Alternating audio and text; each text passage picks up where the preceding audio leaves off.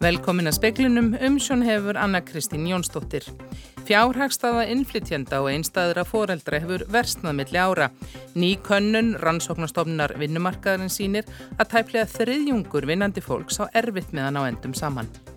Fólk sem er í einangrun vegna COVID má nú fara í gönguferðir nálegt heimili sínu tvísvar á dag og krafa um sínatöku í tengslu við smitgátt hefur verið afnuminn.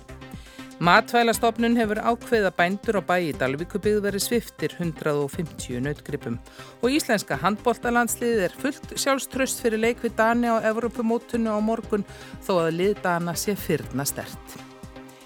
Heilbreyðisráð þeirra hefur staðfest nýja reglugerði í samræmi við tilugur sótvarnalæknis, krafa um sínatöku í tengslum við smitgátt verður afnuminn en ef einstaklingur í smitgátt finnur fyrir einkennum skal viðkomandi fara í PCR-próf. Í minnisblæði frá sótvarnalæknin kemur fram að frá ársbyrjun hafi yfir 16.000 sætt smitgátt 1% þeirra greinst með COVID.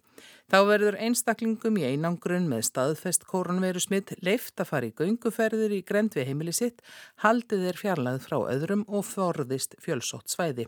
Áður hefur aðeins verið leift að fara út á svalir eða í engagarð við heimili í einangrun.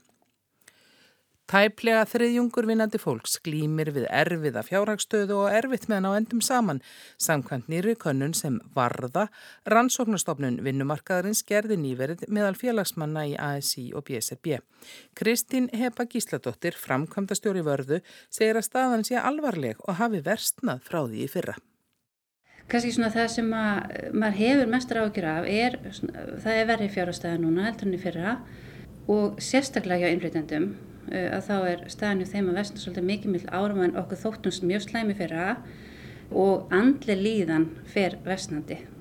Það er líka mikið áhugjefni. Það sem er hvað áhrifaríkast eða svona hefur mest áhrif á mann í þessari niðurstöðum er að fjárhafa fólk sé að vestna og andli líðan sé sumilegis að vestna. Fólk sé síður að sækja sér heilbyrðistjónustu Eh, það var líka svona kom okkur og óvart uh, hversu stórt hlutvall launafólks en 50% telja sig að orði fyrir auknu álægi vegna faraldursins. Hún dregur upp mjög skýra, skýr tengsla melli fátæktar, andleira hilsu, húsnæðismála og aðgengi að helbreyðskerfinu. Uh, það er alveg ljóst að, að ef að þá að létta á fólki og, og auka lífskeiði þess auka öryggi að þá er húsnæðismarkaður fyrstu viðkomumstæður. Saði Drífa Snædal áður heyrðist í Sonju Ír Þorbergsdóttur og Kristínu Hepu Gísladóttur. Nánar verður fjallað um þetta síðar í speklinum. Bjarkei Olsen Gunnarsdóttir, þingmaður Vafge og formaður fjárlæðanemdar, sagði á alþingi í dag að hún veri algjörlega ósamála gaggrinni Viljáms Átnarssonar, þingmanns sjálfstæðisflokksins, um að ríkistjórnin hefða mörguleiti brugðist þegar kæma því að halda upp í viðtækri og líðræðislegri umræðum faraldurinn og afleðingar hans. Þegar sem í félaga mínir í sjálfstæðisflokknum tala um að gaggrinnin umræðegi erfitt uppdráttar, þá er ég þeim algjörlega ósamála. Og ég er þeim líka algjörlega ósamála þegar þeir segja að ríkistjórnin hafi brugðist í viðbröðum sínum við faraldrinu. Þegar tala er eins og einungis eitt sjónamir á því för um allar aðgerri ríkistjórnarinnar og alþingis þá hefur raunin verið svo að mikið samráð hefur verið haft við ímsa aðila með almanna hagsmunni að leiðaljósi. Og þar hafa ráðleggingar vísindamanna vegið þingst. Saði Bjarkei Olsen Gunnarsdóttir.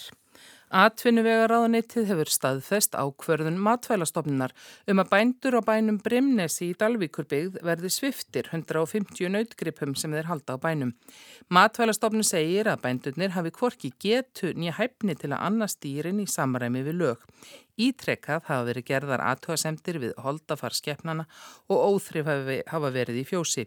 Í úrskurði ráðunitin segir að brot séu alvarleg og bændurnir hafi ítrekkað fengið frest til úrbóta. Bændunir segjast í kæru til ráðnitsins hafa huga á að tryggja dýrónum fullnægandi aðbúnað. Báðar dráttarvélarnar á bænum hafi hins vegar bilað, bilunin orðið langvarandi því ekki voru til varahlutur í landinu og þess vegna hafi sapnast upp úrgangur.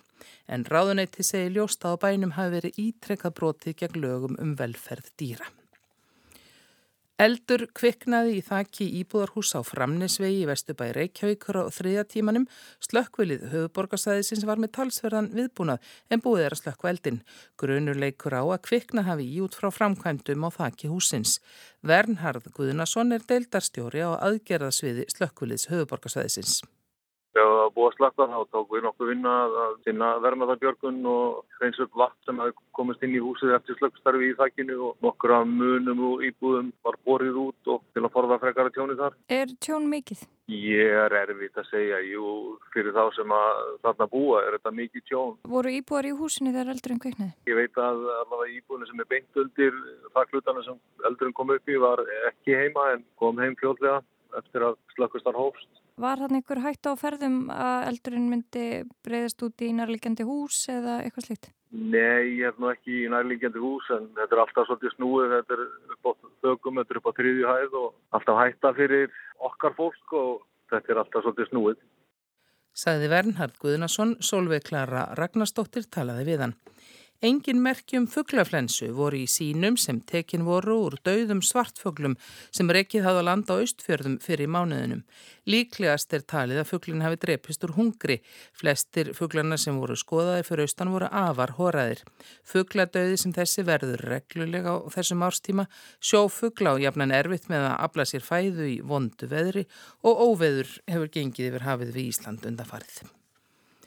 Samtök sveitarfélag á Norðurlandi vestra standa fyrir samfélagsmiðla degi landsbyðarfyrirtækja í samvinni við aðila frá þremur öðrum löndum. Fyrirtæki í dreifðari byggðum eiga við samskonar áskornir að etja óháð heimsluta.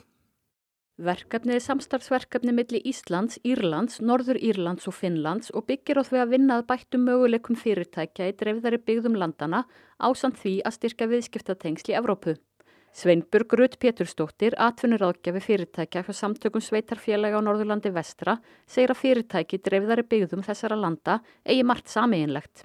Að þó svo við séum á, á allt öðrum svæðum í heiminum þá að því að við, þetta eru, dreifðar byggðir, þú veist, þá eigum við sammeðlegar áskoranir og saman þá getum við fengið meiri slagkraft í að leysa þessi verkefni sem við stundum framferir. Þetta er ofta það sama, þetta er fjarlæg frá markaði, þetta, er, þetta eru langar vegarlengdir, þetta er einangrun frá öðrum fyrirtækjum og mörgum. Sveinbjörg segir að lagt sér upp með að auka nótkun á stafranum lausnum. Aðstandandur verkefnisins halda út til heimasíðu sem fyrirtæki geta leitað í til að fá aðstofið markasetningu. Því þrátt fyrir aukna þekkingu og heimir samfélagsmiðla er hann ekki öllum tamur. Þá erum við að kynna eins og síngdarveruleika og hérna, viðbættanveruleika og 360 myndund og, og myndir og svo hvernig er hægt að nýta þetta í markasetningu og margir er bara erfitt með að tilengja sér nýja tækni en þar getur við komið inn og, og aðstofa. Saði Sveinbjörg Rudd Pétursdóttir, Anna Þorbjörg Jónasdóttir tók saman. Nýlunda var tekin upp á söpnum og tónleikasölum við svegarum Holland í dag þegar almenningi var bóðið að þykja þar klippingu eða stunda líkamsrækt en yfirvöld skipuðu stöðunum umsvegalust að láta af þessu. Þeim sem reka listasöfn og menningarstofnanir þykja hollensk stjórnvöld ósandjörn í ráðstöfunum sínum. Nýjungin er því andofi við hörðum sóttvarnaraðgerðum hollenskra stjórnvalda sem fyrirskipa áframhaldandir lokun menningarstofnana. Í síðustu viku var rakara og hálfgriðslustofum á samt naglastofum og kynlífsþjónustu left að opna dyr sínar að nýju. Rakari sett upp stólsinn innan um ómetanlegi listaverk á Van Gogh-safninu í Amsterdam og tveir á sviði tónleikarhallarinnar Concert Gebó. Nokkrum söfnum í hag var breytt í líkamsræktarstöðvar. Þeirra á meðal Maurits Haus sem einmir málverk Vermeers af stúlkunni með perlu eirnalokkin. AFP-fréttaveitan hefur eftir Emilí Gordenker, framkvæmda stjóra fann góksaflisins, að tilgangurinn hafi verið að sanna öryggi þess að hafa menningar setur opinn. Hún segir borgarstjóra hafa tilkynnt um anstöðu borgar yfirvalda símleiðis við síði gerðkvöldi. Yfirvöld gerðum það byl 70 stöðum að láta af aðhafi sínu með fullnustu gerð. Einn viðskiptavina Rakarans á safninu saðist mæta til stöðningslistum í landinu en það væri óhætt að halda slíkum stöðum opnum þar sem hátt væri til lofts og vítt til veggja. Markus Þóraldsson saði frá. Það var stundmilli stríða hjá íslenska kallalandsliðin í handbolta og Evropumótinu í dag eftir frækinn sigur á ungverjum í gær. Liðið hefur unnið alla þrjá leiki sína mótinu. Fyrsti leikurinn í milliriðli er við Dani annað kvöld. Hægri hodnamæðurinn Sigvaldi Björn Guðjónsson segir að sjálfströsti sé mikið í íslenska liðinu þó að liðið Dana sé stert. Þeir eru mjög góðir. Þetta er auðvitað svona liðið sem allir spá því að vera sigurverðar á þessu móti en við ætlum að stríða þeim. Þetta er þetta rosalegt verkefni en við erum fullir í sálstöði og bara okkur hlaka til. Við hefum einhvern veginn trú á því að við getum unnið alla leiki. Sagði Sigvaldi Björn Guðjónsson. Tæplega þriðjungur vinnandi fólk glýmir við erfiða fjárhagstöðu og á erfitt með að ná endum saman, samkvæmt nýri könnun sem varða rannsóknarstofnun vinnumarkaðarins framkvæmdi nýverið. Könnunin var lögð fyrir um 150.000 félagsmenn ASI og BSRB í lok november og byrjun desember 2021. Svarhlutvallið var 5,8% eða 8.768 manns. Könnunin sínir að staðan hefur verstna síðasta árið en í fyrra var sambarleg könnun gerði í fyrsta skipti. Spurt var um atvinnutekjur, hversu öðvelt eða erfitt fólk ætti með að ná endum saman, hvort að byggi við skort á efnislegum gæðum, byrði húsnæðiskostnaðar, hvort að hefði fengið fjárasastóð, hvort að geti mætt óvendum 80.000 krónar útgjöldum, hvernig það geti brúðist við ef það skorti hálsmánaðarlaun, hvort það hefði tekið út sérregnarspartnað, tekið yfirdrátt, smálán, skamtímalán eða endur fjármagnað húsnæði til að auka lausafjárstöðu. Auk þess var spurt hvort fjárasleg staða væri betri eða verri enn fyrir ári. Speilin rætti við Kristínu Hepu Gísladóttur, framkvæmtastjóra vörðu, rannsóknarstofnunar vinnumarkaðarins. Helstu niðurstöður er að uh, það er aftur núna nokkuð stór hluti launafólk sem á erfna endun saman uh, og það er líka talsveit hluti sem á uh, býru skort efnislegum gæðum. Og það er bara svona mæling sem Hagstof Íslands og Hagstof Europasambandsins nota til að mæla efnislegan skort. Og þeir eru með tæplega 10% af vinnandi fólki sem býr við skort efnislegum gæðum og þá er það talsveit alvarlegt því að þetta eru bara þættir eins og borga fyrir húsaleguna sína, hafa efna á græmyndismáltið eða kjötmáltið annan hver dag, getum eftir óvendum útgjöldum, hafa efna á þóttavél, bíl, þú veist þetta er bara svona alveg, hérna við erum ekki að tala um eitthvað luxus eða eh, eitthvað svona, þetta er bara í rauninu það að draga fram lífið. Þá myndi ég segja að það verður mjög alvarlegt mál og staðan verður hjá innflytjandum og einstæðan fóröldrum og þannig að við erum svona, svona, svona trendi í þessu að það eru ákveðnur hópa sem verðist vera bara í mjög slem, mun verri fjárhastöðu heldur en svona kannski almennt gerist í okkar samfélagi og það er áhugjefni að sjá í rauninu fátækti á vinnandi fólki. Þið gerir sambarlega könnun í fyrra, það var þá í fyrsta skipti sem að það var gert. Hver er svona breytingin á milli ára? Uh, kannski svona það sem að maður hefur mestar áhugjur af er, svona, það er verri fjárhastöða núna heldur en í fyrra og sérstaklega hjá innflytjandum uh, að þá er staðan í þeim að vestna svolítið mikið mill árum en okkur þóttumst mjög slæmi fyrra og andli líðan fer vestnandi. Það er líka mikið áhugjefni uh, og ég held svona, ég man, svo að því að við vorum svo, það er svo millar áhugjur að niðurstöðum í fyrra, þannig að það er aldrei svona, okkur fannst það svolítið kannski uh, verra heldur en við ættum vona að einhverju leiti en, uh, en auðvitað svona fólk í verkefælisreifingunum sem er hérna margir sögur, nei, okay, þetta kemur ekki óvart. En hérna, mér fannst þetta hérna, slæ, sína slæma stöðu og svo kemur núna einhvern veginn niðurstöður sem fá verri niðurstöðu. Og ég held að þetta COVID sé að hafa áhrif auðvitað á hérna, hvernig okkur líður og það kannski er til og með til þess að, að fylgjast aldrei vel með því og mögulega þurf, þarf ykkur aðgerðir til að bregðastu því. Það er bleið helmingur einstæðara fórildra að mælast með slæma andlega hilsu. Þetta er rosalega hátlutval og við erum líka að sjá mjög slæma stöð hjá ungu fólki, sérstaklega ungum konum og í rauninu hópana sem er með verri fjárastöður eru líka með verri hérna, andlega líðan en við getum auðvitað ekkert sagt um orsakasambandi þar á milli en þetta er alveg svona auglust minnstur í gögnunum. Og síðan er líka, við spurðum núna sem voru þetta ekki með fyrra þá spurðum við hvort að álag í starfi hafi aukist í kjölfar heimsfaraldusins og þá kemur við ljós að 70% hverna sem starfa hjá hennu ofinbera segja já, ég er núna að starfa við mun meira álag heldur en ég gerði áður en að COVID skall á. Og þetta er bara, þetta er auðvitað mjög hátt hlutvall tala hans um innflytjendu, það er náttúrulega áskorun að flytja til, til nýs lands mm -hmm. aðlagast menningu og samfélagi. Bætir þetta bara ofan á það að vera að búa við félagslega einangrun og, og þess að það Já, það er einhvern veginn, fáum við svona, svolítið svona skýra mynd af innflytjandahóknum finnst mér bæði í konuninni fyrra og aftur núna og við erum reynda svo lánsum að það er svo gott, hérna, góð þáttaka hjá innflytjandum í þessari konun. Uh, núna voru 22% þáttakanda í konuninni innflytjandur. Svona ef ég dreg upp eitthvað svona einfalda mynd af hóknum sem við veitum alltaf er mjög einfalduð að þá er þetta ungt, uh, innflytjandur ungt fólk með hérna, mjög hátt hlutfall með mikið mentað með hérna, mentun á háskólastígi mjög, mjög góða líkamlega heilsu slæma andlega heilsu mjög báa fjárhastöðu og stað á húsnæðismarkaði sker sér alveg úr. Náttúrulega er í mun meira mæli á leikumarkaði og hafa verið að flytja alveg ítrekkað. Þetta er aldrei stór uh, hluti hópsins. Mm. Þannig að þessi svona þú veist þetta auðvitað ekki um alla en þetta er svona er að draga upp einfalda mynda af hópnum að því við spurum líka þú veist hérna hefur þurft að fá fjárhast aðstof frá sveitafélagi eða vinum og ættingum og svona og við sjáum líka rosa mikið mun að hérna inflytendur hafa ekki það bakland sem er til dæmis kannski ungt uh, fólk sem er ekki elendan uppruna er miklu mæla að fá aðstof frá fjölskyldu fjárhast aðstof en það er bara ekki auðvitað til staðar hjá inflytendum í saman mæli og þá eru hérna uh, eru við bara með fólk sem býr uh, ekki við sömu tækifæri. Ef við erum með einhvern veginn samfélag sem treystir svolítið á það og sérst að fá aðstof frá fjölskyldu uh, og svo erum við hóp sem maður getur ekki fengið aðstof frá fjölskyldu en það er auðvitað líka við um innfætta sko, það er ekki allir sem að, alls ekki sem geta fengið aðstof frá fjölskyldu en við erum að draga upp eitthvað svona mynd af hópum. Sko myndin sem við sjáum er að það eru ákveðnir hópar sem búa við mjög slemma fjárhásla stöðu. Ég vil ekki búa í þannig samfélagi og ég held að flest okkar vilja það ekki.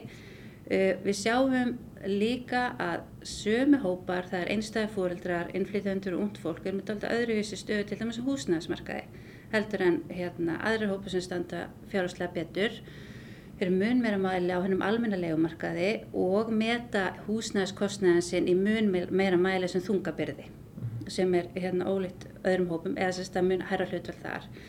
Og síðan er þetta hérna andlega hilsan sem er líka verið hjá þessum hópum Þannig að maður sér einhvern veginn svona að það er húsnæð og svo er það heilsufæri og það eru auðvitað líka hátt hlutverk. Eftir því sem fjárhastæðin er verri, eða hjá hópunum sem eh, búið verri fjárhastöðu, þá eru meira mæla á neytu sem heilbreyðstjónustu.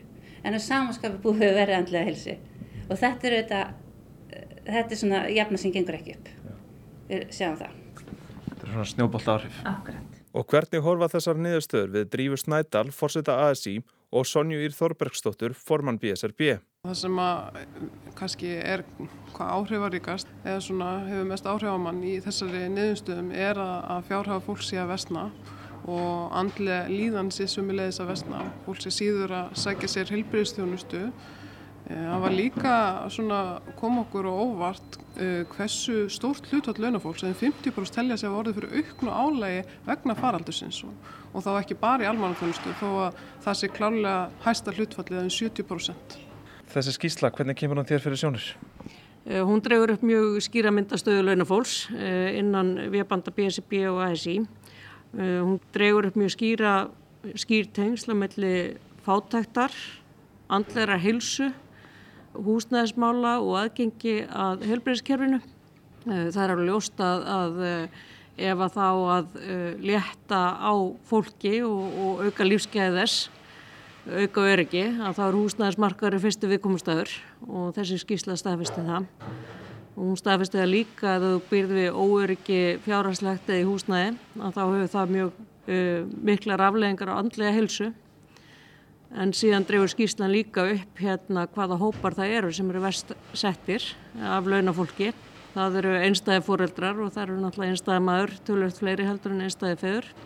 Uh, það eru einflytjandur Það er fólk sem er á almenna leikumarkaðnum, uh, frekar heldur en uh, í félagslegu húsnæði eða, eða einn húsnæði. Það kemur fram í skýslunni að álaga á, á konur sérstaklega virðist vera meira. Kemur það ávart? Nei, alls ekki. Þegar við sjáum það þó að kannski Ísland hafi búið að einhver liti betur gegnum faraldur en aðrir að það hefur verið meiri skólastarðsemi og svo framvegis að þá er bara, það eru fleiri handtöki kringum raunverulega allt saman sem tengist faraldurnum og svo er þetta gríðarlega ála sem að mæti fólki á vinnustæðnum og það sem við sjáum líka er að þau þetta eru búin að vera eins og sjálfskeipaður sóttkví að þau eru að verja ekki bara sig heldur líka fólki sem þau eru að sinna þannig að þau hafa þess vegna ekki verið að hitta vinni í sama mæli þegar það hefur léttaðans á, á faraldunum og svo frá viss heldur hafa einangrassi meira og þetta síðan hefur bæst við yfirvinna og það eins og við sjáum núna þegar fólk er að detta út út af sóttkví eða einangrun þá þurfa henni sem eftir er að hlaupa hraðar og þau voru undirmönnuð fyrir. Og hvað er þetta að gera? Fyrstu viðkomumstæður er húsnæðiskerfið. Eh, það er að segja að breyta því þannig að, að það byggir á því að, að veita fólki húsnæðisörgi, frekar heldur en að, að láta það í hendur hins frjálsamarkaðar að vila með það. Uh, síðan er það aðgengi að heilbreyðsþjónustu og, og geðheilbreyðsþjónustu sem eru mjög ákallati. Létta álægi af fólki sem er á þrótum komið í engalífi og og í sumun tilvikum í vinnu vegna faraldusins styrkja stöðu einstæðara fóreldra í gegnum barnabótakerfi til dæmis. Þessi skýrslega gefur okkur verkfæri í hendunar hvar, hvar er best að drepa nefnum fæti til þess að styrkja stöðu þeirra sem, sem sannlega þurfa að halda. Mm -hmm. Hversu góða mynd af heildarstöðinni gefur þessi skýrsla? Svarlutvallið er ekki nema um 5%. Gefur hún alveg skýra mynd af stöðinni? Við teljum að þetta er eins nálagt í og við komumst til þess að gefa mjög skýra myndastöðinni. Það er að segja að við erum með hærra svarhlutvall heldur og við höfum fengið áður uh, í svona könnunum. Uh, við erum að ná til uh, mjög margra hópa. Við leggjum þetta fyrir félagsmenn í aldafélagum ASI og BSB. Það er mjög stór hluti af íslenska vinnumarkaðin. Nú er þetta í annarsinn sem þetta er gert. Komið þér eitthvað óvart? Það sem komið kannski helst óvart var að við fengum mjög sláandi niðurstöður um andlega heilsu í fyrra og það hefur versnað á milli ára. Eh, þannig að það er eitthvað sem verður að fara að taka mjög alvarlega. Það er andleg líðan og andleg heilsa. Maður óttast að það hafi áhrif í hérna, fólk detti frekar út á vinnumarkaði. Þannig að við getum verið að horfa alvarlega langtíma afleðingar af miklu álægi og öryggisleysi. Nú framöndan eru er náttúrulega kjaraviðræður og, og þess aftar. Þessi staða, hefur hún áhrif á, á, á þær viðræður? Já, það sem við sjáum og er ekki bara þróun hér á landi, heldur líka viða erlendis, er að verðmatamati á störfum hefur auðvitað breyst í kjölfar faraldursins. Þeir sem er að standa í framlýnu eru að gætna fólki sem er að langlegstu laununum og, og við höfum treyst á þau, varnandi þjónustu og okkar helstu grunnþarfir í heilbyrðistjónustu og umunun og, og mentakerfinu og það hlýtur að vera ljóst að það þarf að koma einhvers konar uppstokkun á verðmatamatun okkar í, í framhaldinu og það sem við sömu leiðis benda á að, að stór hluti þeirra sem starfa í almannaþjónustunni, þetta eru stórar kvennastittir sem hafa búið við sögulegt og kerfisbundi vanmat er umverulega frá því þar hófa að starfa utan heimilis. Það sjálfsögur verið lítið til þessa. Uh, það sem við förum nestu inn í kjaraverður er raunverulegi launafólks uh, og hvað er hægt að bæta og þetta er mjög stórt innleg inn í það. Saði Drífa Snædal, Bjarni Rúnarsson tók saman. Ógnin frá Rúslandi er mjög raunveruleg í sænskri fjölmiðlaumræðu þótt engin viti hvort hún sé raunveruleg eða nákvæmlega í hverju ógnin fælst.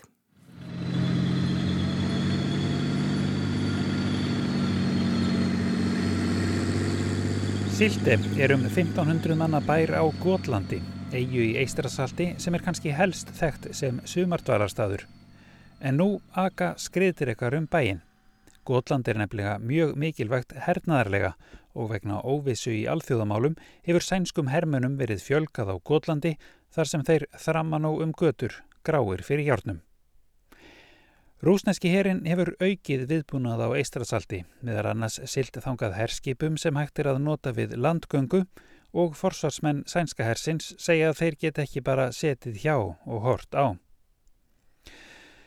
Allt á því að Allandslandsbandalegið NATO var stækkað með ingöngu ríkja í Austur-Evrópu hafa rúsnesk stjórnvöld mótmælt því að bandalegið væri komið upp að landamærum Rúslands. Meðal þeirra landa sem gengu í NATO árið 2004 voru Eistarasalsríkin þrjú sem áður voru hluti Sovjetríkjana og önnurlönd sem áttu landamæri að Rúslandi og voru áður í Varsjárbandaleginu bandalagi Sovjetiríkjana og bandalagstjóða þeirra sem var eins konar mótaðili bandaríkjana og NATO í kaldastriðinu. Á síðustu vikum og mánuðum hafa kröfur Rúslands svo orðið háverjari um að NATO drægi sig tilbaka frá fyrrum áhrifasvæði Sovjetríkjana og sé ekki með vopnakerfi nálagt landamærum Rúslands. og að NATO lofi því að ákveðin lönd verði aldrei hluti af Allandsafsbandaleginu, lönd á borð við Úkrænu.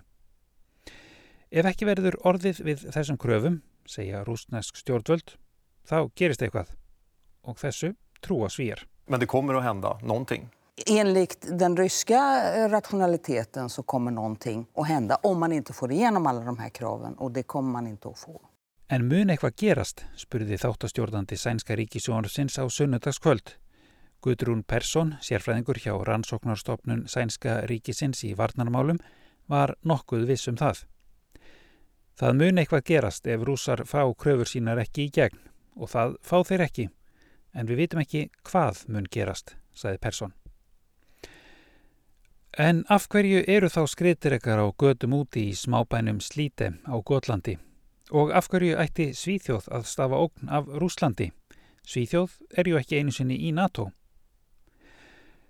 Það sem helst geti leitt til þess að Svíþjóð dreyist inn í vopnuð átök er ef það kemur til átaka milli rúsa og eistrasaltslandana, NATO-ríkjana Íslands, Lettlands og Litáen.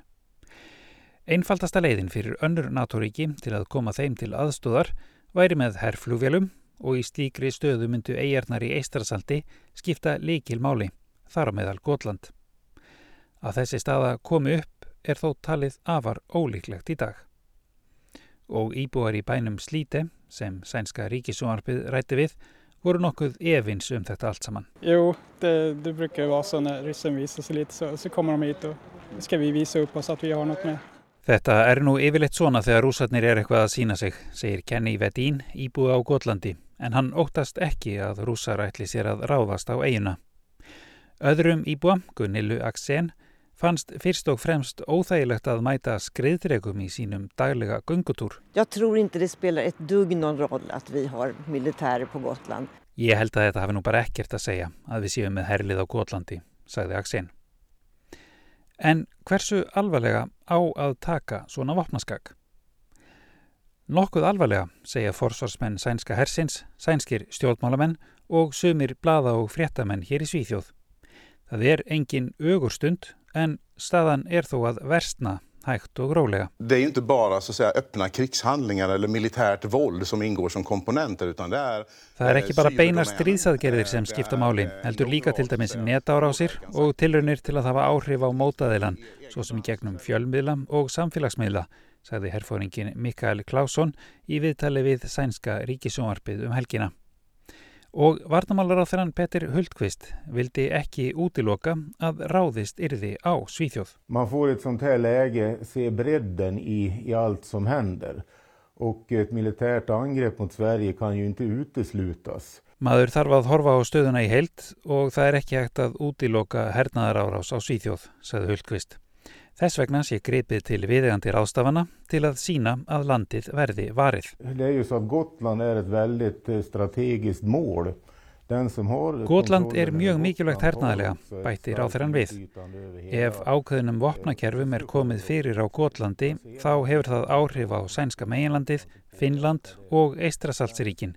Gotland er gríðarlega mikilvægt líkt og aðrar eigjar í Eistrasaltinu, sagði Hulkvist. Þá benti hann á að mikið væru um árásir og tölvukerfi í Svíþjóð, um 100.000 atvik á ári. Þótt það séu þetta ekkert miða við Úgrænu sem rússar eru sagaður um viðvarandi og stórtækar netárásir gegn. Þessu til viðbótar hafa svo drónar sést á sveimi yfir sænskum kjarnorkuverum.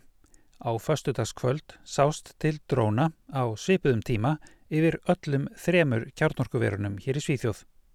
Málið er afar alvarlegt að sögn sérfræðinga, þó ekki sé ljóst til hvers leikurinn hafi verið gerður.